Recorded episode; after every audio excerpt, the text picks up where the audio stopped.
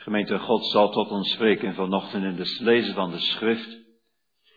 En we zullen eerst luisteren naar zijn stem van Genesis 41. En dan beginnen we met vers 25 tot het einde van het hoofdstuk. Zo Genesis 41, begin met vers 45, eh, 25 tot en met het einde van het hoofdstuk. Toen zei Jozef tot Farao, Farao's droom die is één. Hetgeen God is doende, heeft hij Farao te kennen gegeven. Die zeven schone koeien zijn zeven jaren, die zeven schone aren zijn ook zeven jaren. De droom die is één. En die zeven ranke en lelijke koeien, die na gene opkwamen, zijn zeven jaren. En die zeven ranken van de oostenwind, verzengde aren, zullen zeven jaren des hongers wezen. Dit is het woord wel ik tot Farao gesproken heb. Hetgeen dat God is doende, heeft hij Farao vertoond. Zie de zeven aankomende jaren zal er grote overvloed in het ganse land van Egypte zijn. Maar nu dezelfde zullen er opstaan zeven, maar na dezelfde zullen er opstaan zeven jaren van honger dan zal in het land van Egypte al die overvloed vergeten worden en de honger zal het land verteren. Ook zal de overvloed in het land niet gemerkt worden vanwege diezelfde honger, die daarna wezen zal, want hij zal zeer zwaar zijn. En aangaande dat die droom aan Farao ten tweede male is herhaald, is omdat de zaak van God vastbesloten is en dat God haast om dezelfde te doen. Zo zie nu Farao naar een verstandige en wijze man en zette hem over het land van Egypte. Farao doe zo en bestellen opzieners over het land en nemen het vijfde deel des lands van Egypte in de zeven jaren des overvloeds. En dat zij alle spijzen van deze aankomende goede jaren verzamelen en koren opleggen onder de hand van Farao tot spijzen in de steden en het bewaren. Zo zal de spijze zijn tot voorraad voor het land, voor zeven jaren des hongers, die in Egypte wezen zullen, opdat het land van honger niet vergaat. En dit woord was goed in de ogen van Farao en in de ogen van al zijn knechten. Zo zei Farao tot zijn knechten, zouden wij wel een man vinden als deze, in de welke Gods geest is. Daarna zei Farao tot Jozef, naardien God u dit alles heeft bekendgemaakt. Zo is er niemand zo verstandig en wijs als gij. Gij zult over mijn huis zijn, en op uw bevel zal al mijn volk de hand kussen. Ook alleen deze troon zal ik groter zijn dan gij. Voort sprak Farao tot Jozef, zie, ik heb u over gans Egypteland gesteld. En Farao nam zijn ring van zijn hand af en deed hem aan Jozefs hand en liet hem fijne linnen klederen aantrekken en legde een gouden keten aan zijn hals. En hij deed hem rijden op de tweede wagen die hij had, en ze riepen voor zijn aangezicht knielt. Alzo stelde hij hen over gans Egypteland.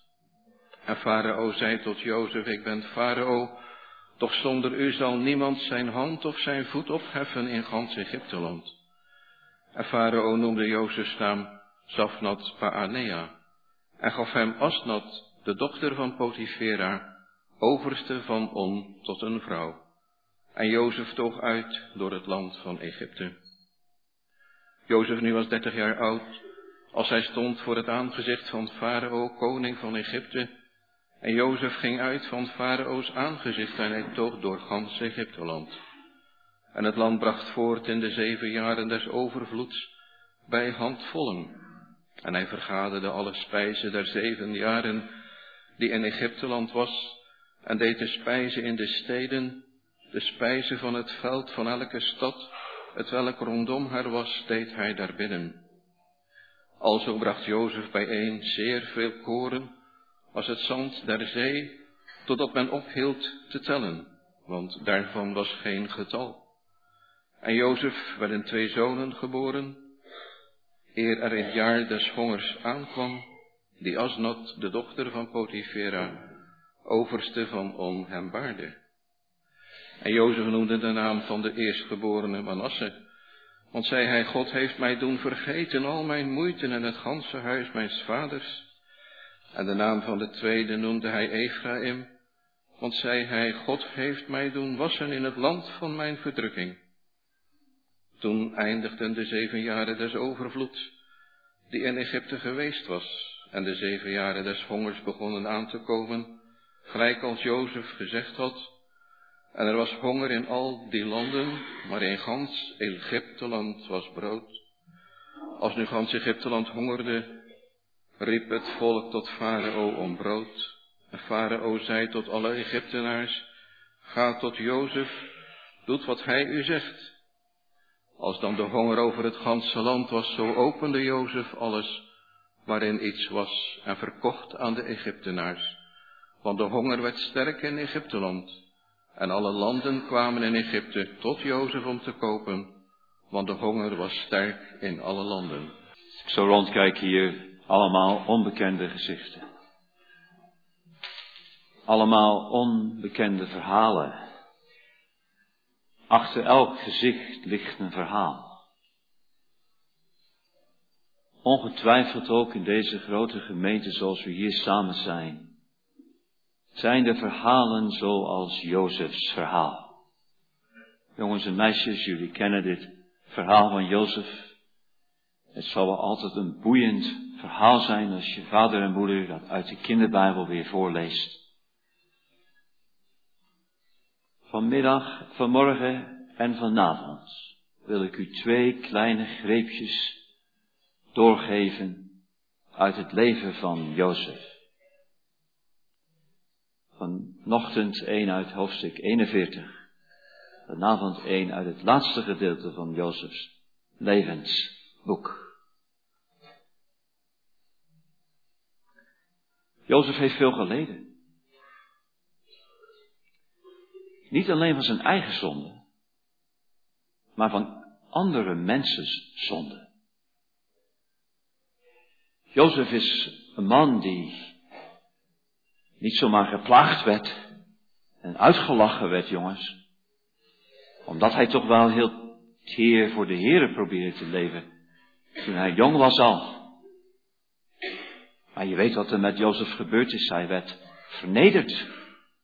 Hij werd verkocht. Hij werd een slaaf. En hij probeerde het goed te doen. Hij was oprecht en eerlijk. En dan gaat hij weer in de gevangenis.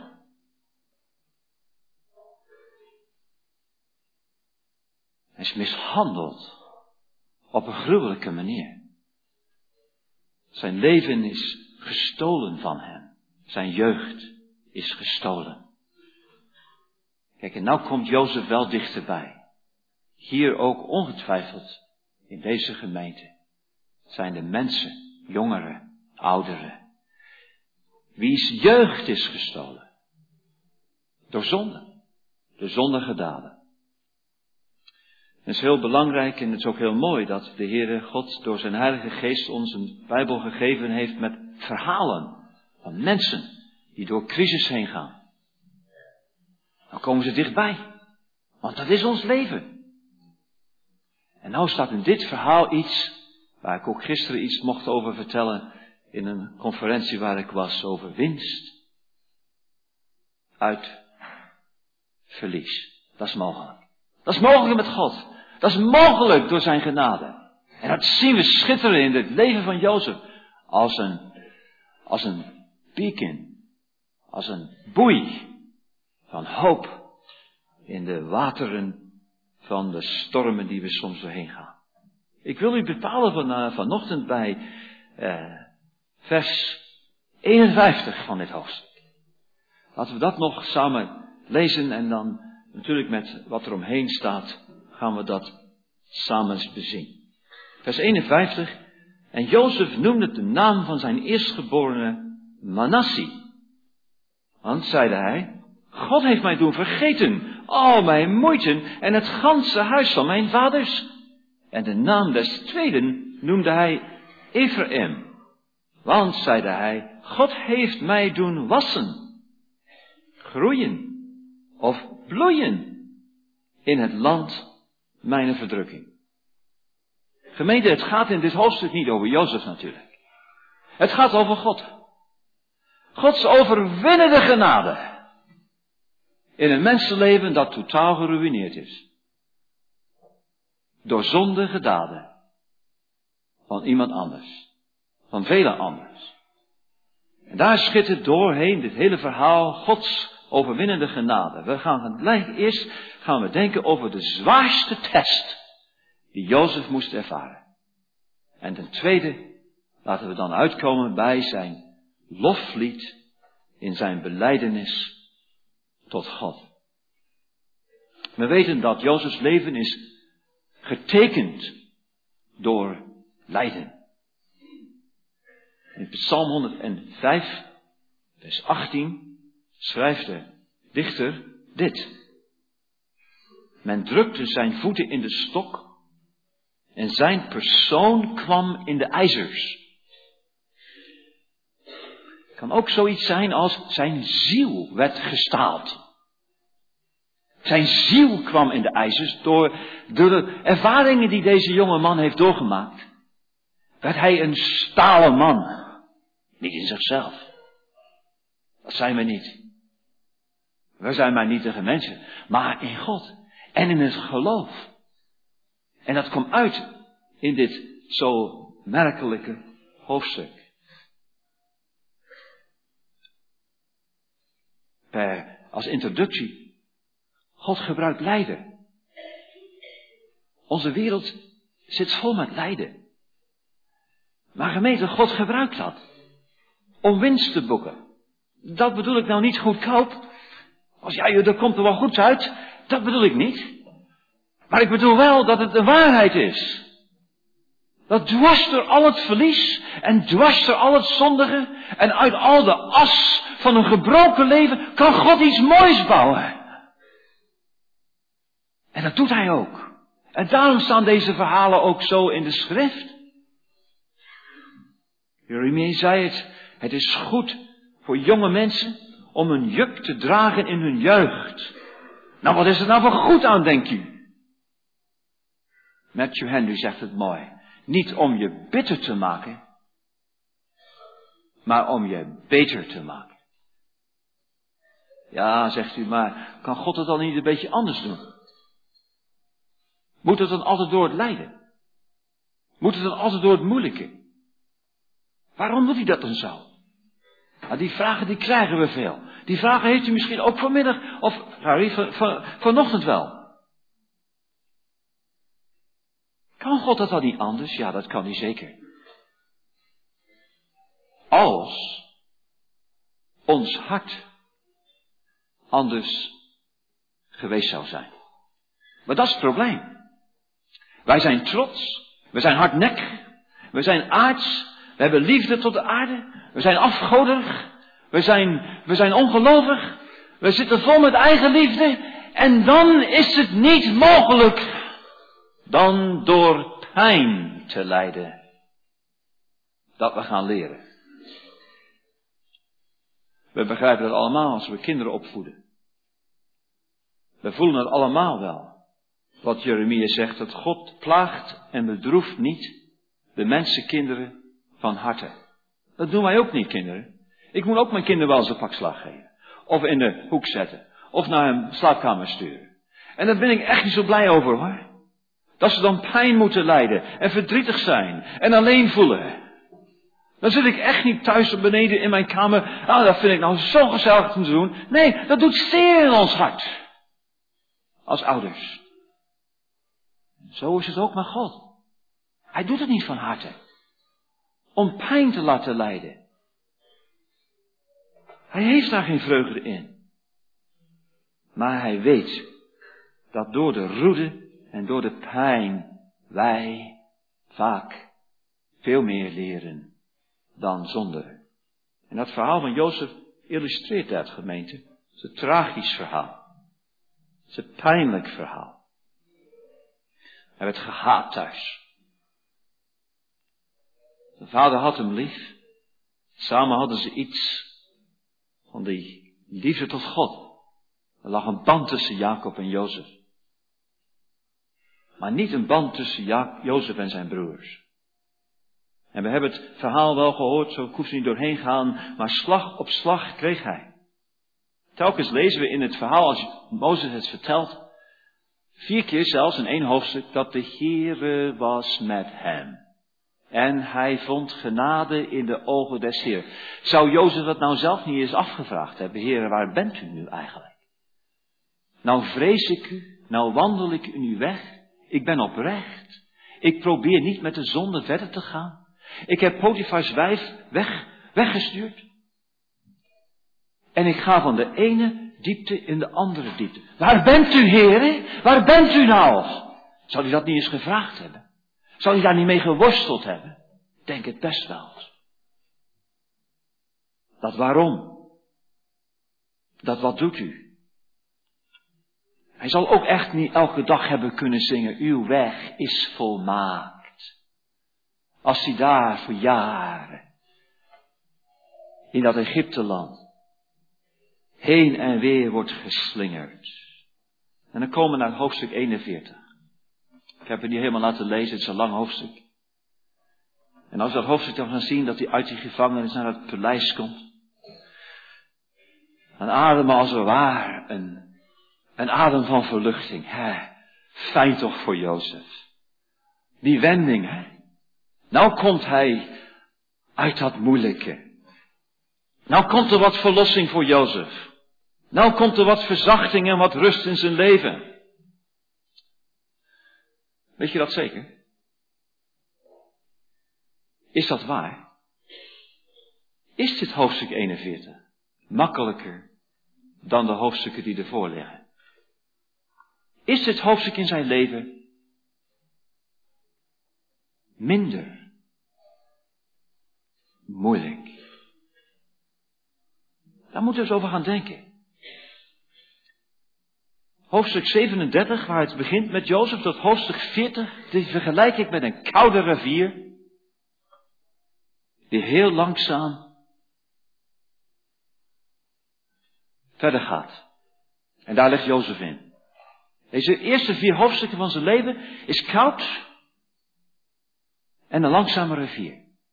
Maar nu, in hoofdstuk 41, tot de hoofdstukken die komen, ah, de rivier is een beetje warmer. Maar het is een snel stromende rivier met rotsen en boomstammen. Het is levensgevaarlijk. Daar wil ik u op wetten.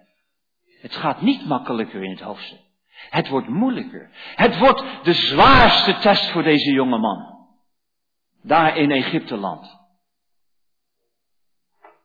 De gevangenis, dat waren kleine vonkjes. Het paleis is een laaiend vuur. En daar gaat nu Jozef in. Je zegt, wat zijn dan die gevaren in dit hoofdstuk? Nou, denk eens even mee. Van een sepiersknecht wordt hij de tweede man in Egypteland. Van een knechtje, daar ergens in de gevangenis, wordt hij de topman in Egypte. Zijn baas is een onheilige farao, maar hij is wel heel aardig. Hij is super aardig. U weet wat hij deed. Hij omhangt deze Jozef met mooie kleren. Hij geeft hem zijn ring. We zouden vandaag zeggen, hij geeft hem zijn kerkkaart. Hij geeft hem de macht. Hij geeft hem de pracht. Hij geeft hem de wilde. Hij geeft hem alles wat Egypte eh, te bieden heeft. Hij zegt, Jozef, je mag er nou alles van gebruik maken. De enige waar nog een beetje hoger is, dat ben ik. Maar voor de rest is alles in jouw handen. Alles. Waar jij ook maar lust en zin in hebt, is voor jou. Je weet wel jongens, vroeger droomde die. En je weet nog die dromen? Maar vandaag droomt hij niet. Hij rijdt in de grote Egyptische limo. Met witte paarden ervoor. En kijk eens. Oh, die mensen. Die vallen op de grond en die buigen voor hem. Heeft u nog nooit gehad? Voelt u dat? Het is moeilijker. Hij krijgt eerbetoon. Hij is de held in Egypte. Hij is de nationale hero. Zelfs de senators buigen voor hem neer. Nou wordt de vraag wel heel urgent. Kan hij dit weerstaan? We hebben hem gezien in die eerste hoofdstukken. Hij bleef trouw. Hij bleef oprecht. Hij bleef Godvrezend. Maar nu, zal dat nog steeds zo zijn? Zal hij nu niet van zijn voeten worden afgevaagd? Ten tweede, hij krijgt een nieuwe naam. Nou, er is heel wat geschreven over die nieuwe naam. Safnat Paania. Mooie betekenissen. Maar als ik door alles heen lees, dan is het eigenlijk nog een zoektocht wat die naam betekent. Maar weet u wat we wel weten? Het was een Egyptische naam. Daar zat een doel achter. Farao zegt, joh, die oude Jozefnaam die moet eruit. We gaan jou een nieuwe identity geven. We gaan jou een nieuwe Egyptische naam geven. Precies zoals Nebuchadnezzar dat deed met Daniel en zijn drie vrienden. We gaan jou helemaal Egyptisch maken, Jozef, want Jozef kan je niet doen. Voelt u het aan? Het is levensgevaarlijk. Jozef wordt hier in de Egyptische cultuur geduwd. Hij moet Egyptisch gaan denken. Hij moet Egyptisch gaan voelen. Hij moet Egyptisch gaan worden. Omdat hij een Egyptenaar moet zijn om dit land te leiden. Komt die vraag weer. Gaat hij dit overleven? Zal deze jonge man, nou 30 jaar, afzakken in de Egyptische cultuur? ontworteld raken van wat hij van zijn vader meekreeg, jaren geleden. De test wordt nog zwaarder. Farao is niet genoeg met zijn ring, niet genoeg met een nieuwe naam. Hij zoekt hem een vrouw. En deze Egyptische vrouw heidense vrouw, een dochter van de priester van Egypteland, is veel gevaarlijker dan Potifars vrouw. Want deze wordt zijn vrouw, zijn metgezel. Daar leeft hij mee, daar praat hij mee, daar wordt hij één mee. Die ligt in zijn boezem met al haar Egyptische denken en Egyptische ideeën en Egyptische afgoderij. Daar gaat hij elke dag mee om. U voelt het wel. Dit is de zwaarste test die deze jonge Jozef moet ondergaan. Zal hij dit overleven? Of wordt hij hier weggespoeld door Egypteland? Er is nog een onbeschreven test. Farao zegt, jongen, ik maak jou de machtigste man in Egypte. Jij hebt alles in je hand, behalve mij. Hij heeft een machtspositie. Hé, hey, nou kan ik ze terugpakken die broers van mij. Ik zal ze legertje naar Canaan sturen, om ze even op te pakken. En ze even terug te nemen. En hem eens even te laten voelen wat zij aan mij gedaan hebben. Ik zal eens wraak gaan nemen. Nu kan ik het. Na twintig jaar. Voelt u het aan? Jozef heeft de zwaarste testen en, uh, te, te, te ervaren. Hier in dat paleis in Egypte. Bent u bij me eens? Zien we dit nog als een bevrijding? Dit hoofdstuk? Is het echt makkelijker?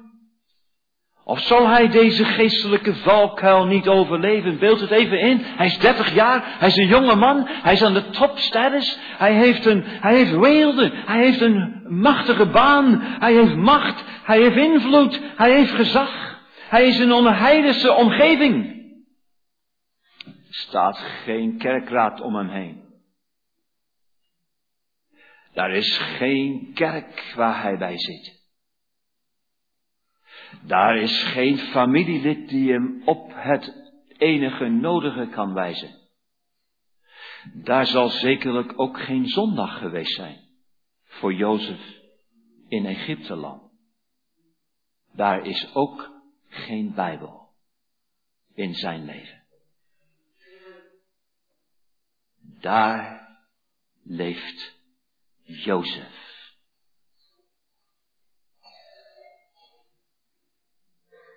Gemeente, Spurgeon zegt ergens, ik ben nooit bang als mijn broeders in de Here veel problemen krijgen in hun leven. Maar ik tril als hen weg welvarend is. En daar zie ik nou Jozef in dat gezegde. Jonge vrienden, de wereld verslaat veel meer harten met kussen dan met slaan. Er zijn er niet veel die dit overleven, wat Jozef hier in het 41ste hoofdstuk mag ervaren.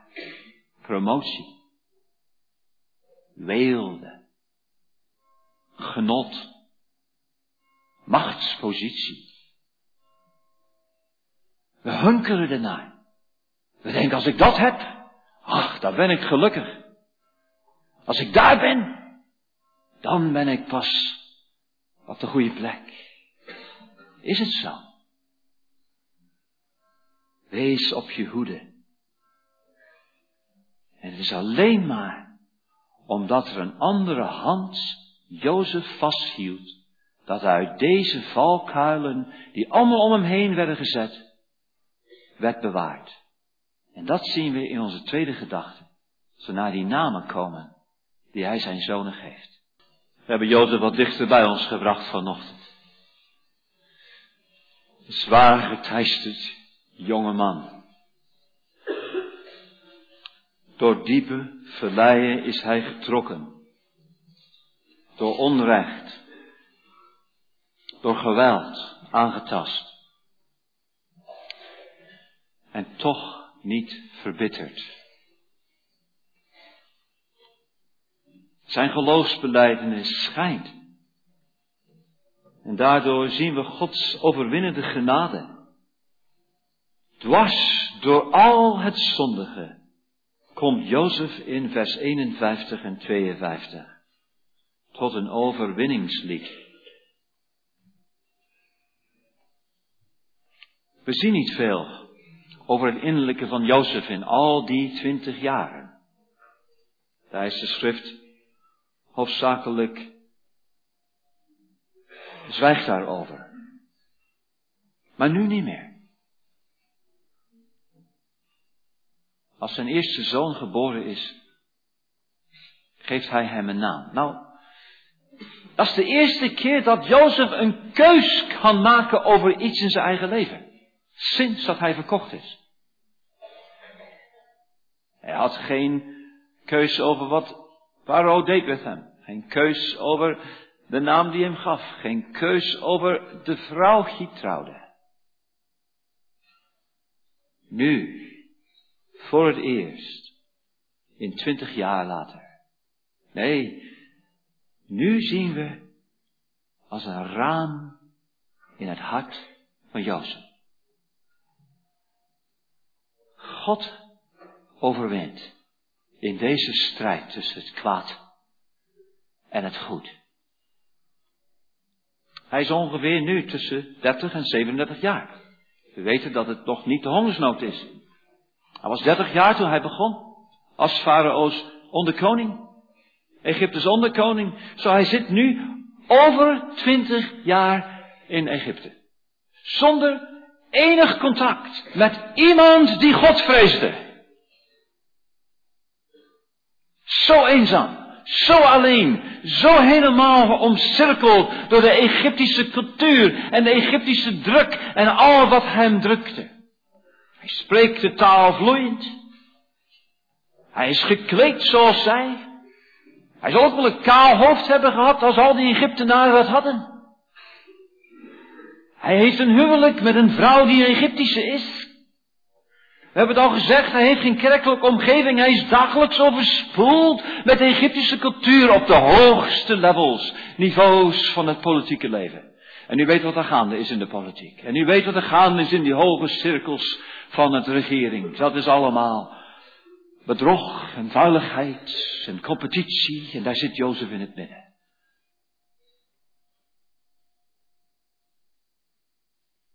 En dan krijgt hij een zoon. En hij noemde de naam van zijn zoon Manasseh. Dat is een Hebreeuwse naam. Hij krijgt geen Egyptische naam. Jongens, toen hij later naar school ging in Egypte, zal die jongen wel gevraagd, zullen wel gevraagd hebben, Manasseh, wat betekent dat? Wat een rare naam heb jij. Dat inderdaad had hij in Egypte. Maar die had zijn vader gekozen voor hem. Waarom? Niet zozeer om Manasseh, maar om een beleidenis te maken in het midden van Egyptische wereld. Ik heb door God mijn moeite vergeten en het ganse huis van mijn vader die mij het meest bezeerd hebben, die heb ik vergeten. Hoort u het? Dat is een beleidenis. Dat is een geloofsbeleidenis in, in, in Jozef. Nee, hij heeft niet vergeten wie zijn vader was. Jongens, hij heeft niet vergeten wie zijn vaders huisgezin was. Hij heeft niet vergeten mijn opvoeding. Hoe ik opgebracht was. Wie de Heere is. Wie hij wil zijn voor een mens. Zelfs zoals ik. Nee, hij heeft niet vergeten dat hij een verbondskind is. Dat, dat bedoelt hij niet. Hij bedoelt niet, ik heb vergeten wat ze gedaan hebben aan mij. Ik heb vergeten wat dat geweld dat ik heb ervaren. Ik heb die pijn vergeten. Ik heb die tranen vergeten. Ik heb vergeten wat ze deden. Dat heeft hij niet vergeten. Dat heeft hij nooit vergeten. Dat kan hij ook nooit vergeten. Dat draagt hij mee. Als een zwaar litteken. In zijn hart.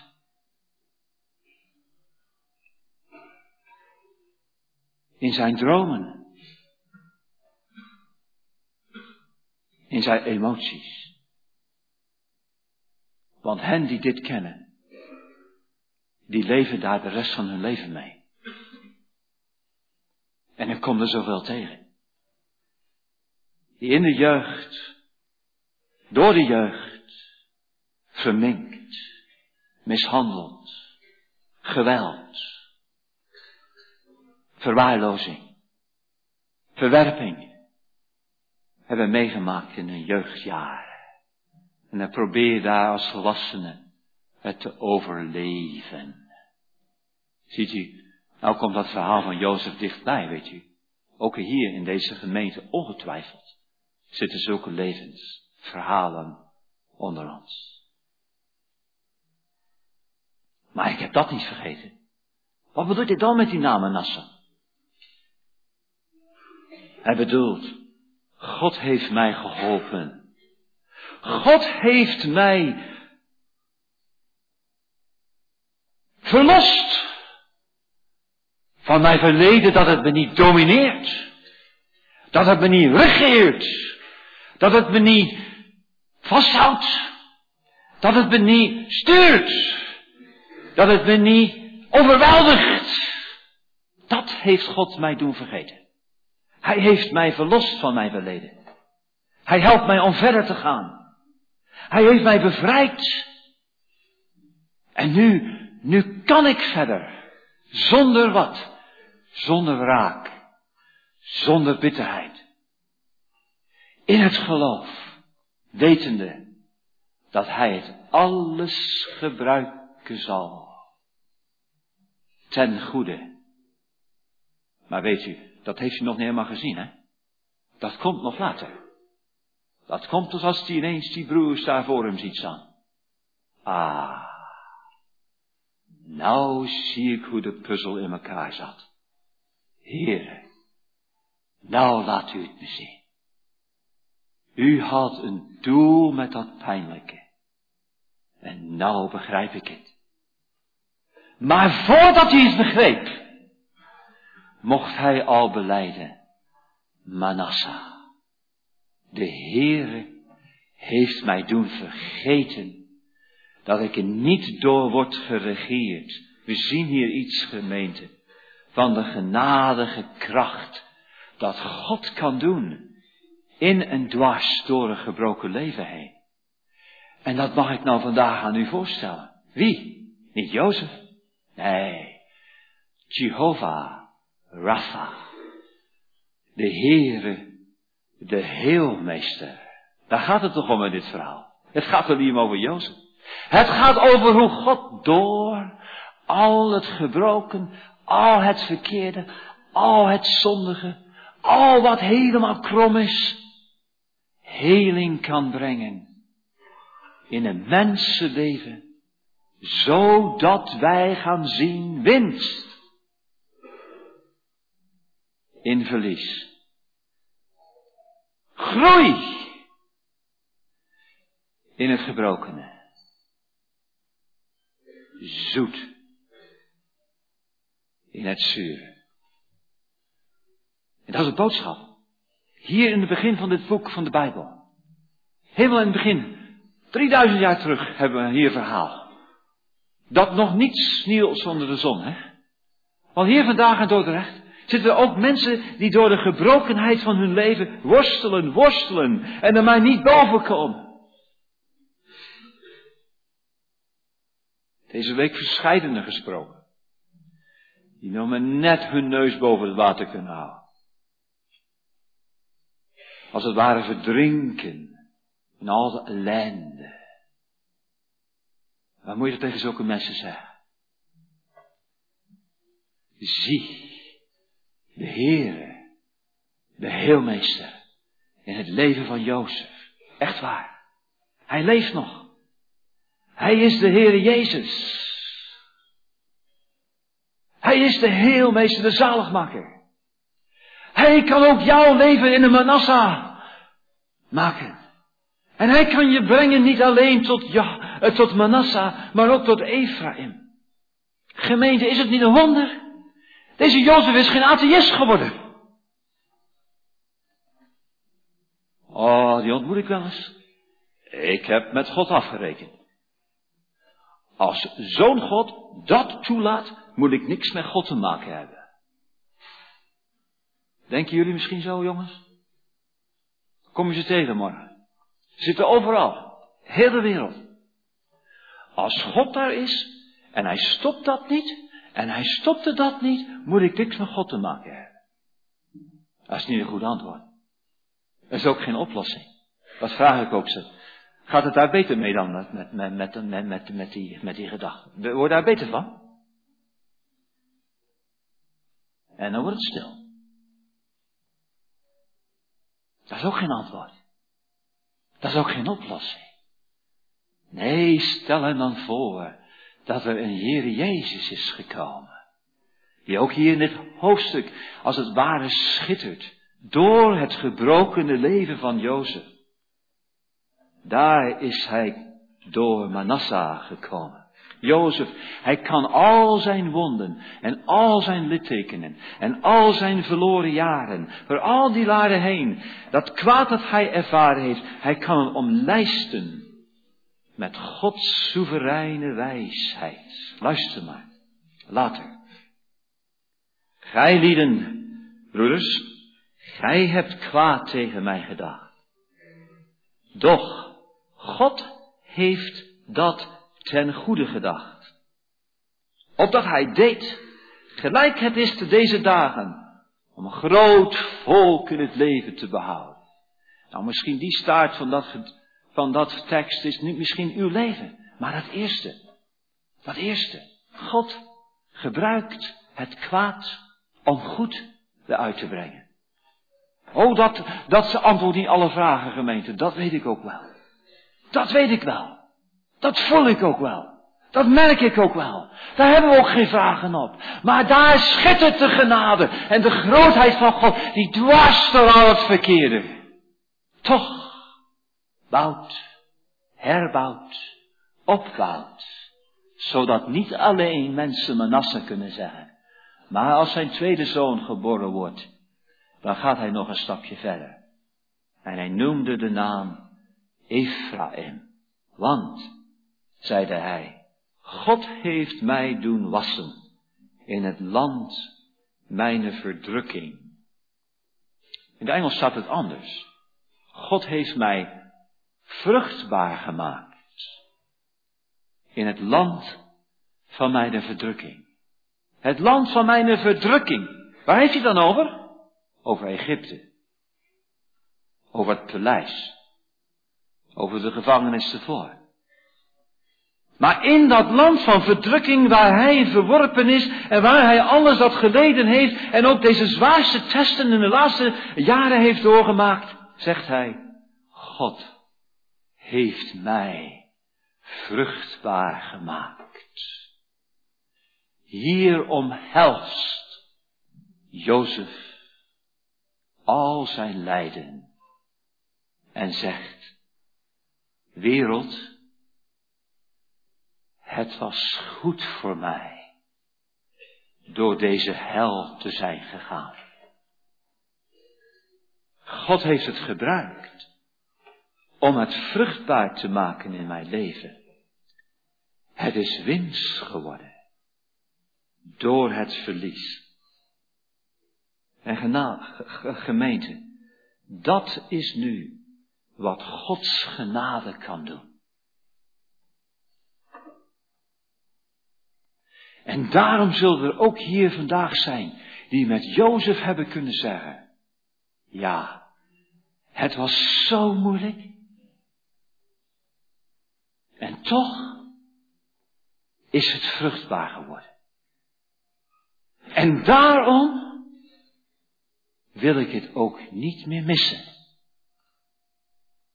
Het heeft God dierbaarder gemaakt. Het heeft mij dieper en nederiger gemaakt. Het heeft mij grotere kennis gegeven van deze almachtige God, als ook van deze zondige Jozef.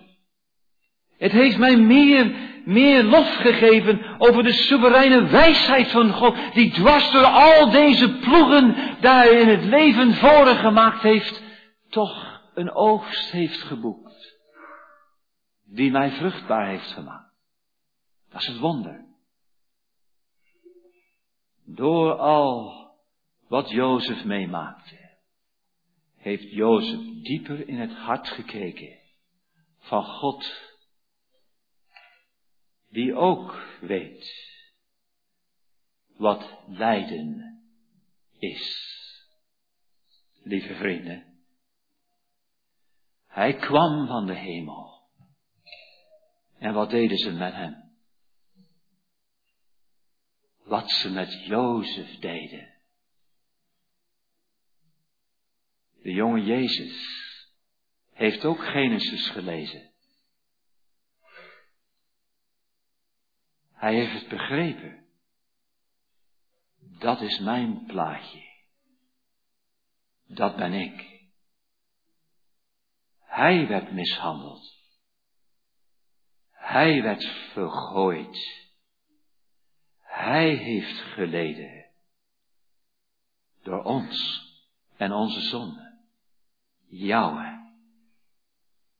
De mensheid. En dan hangt hij op het kruis. En wat roept hij uit? Vader, vader, vergeef het hen. Want ze weten niet wat ze doen. Zo is het nog. Het kruis van Christus spreekt over Ephraim. Vruchtbaarheid door het lijden. En gemeente, dan wordt dit hoofdstuk zo, zo dierbaar. Niet?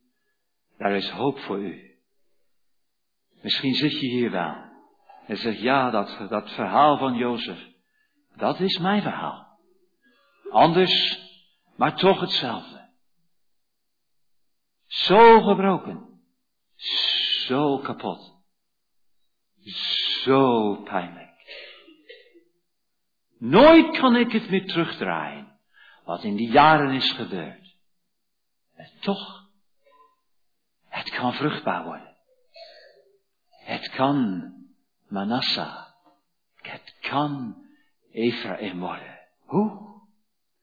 Zie het kruis van de grotere Jozef. Jezus Christus. Jezus, u bent goed, getrouw en waar. En alle dingen gaan door uw hand. Ik weet dat u het alles werkt ten goede, hoewel het meesten ik niet begrijp. U ontsteekt een vuur in elke beproeving die mij van binnen reinigt. Helpt mij om te zien dat het uw liefde voor mij is. Om mijn hart te zuiveren of voor zonde te bewaren. Uw wegen zijn volmaakt, hoewel ze diep zijn. En wanneer de golven over me heen slaan en ik vraag, waarom? Dan bent u en blijft u goed in alles. Dat is, help mij om u daarom te loven, zoals Jozef het mocht doen. Amen.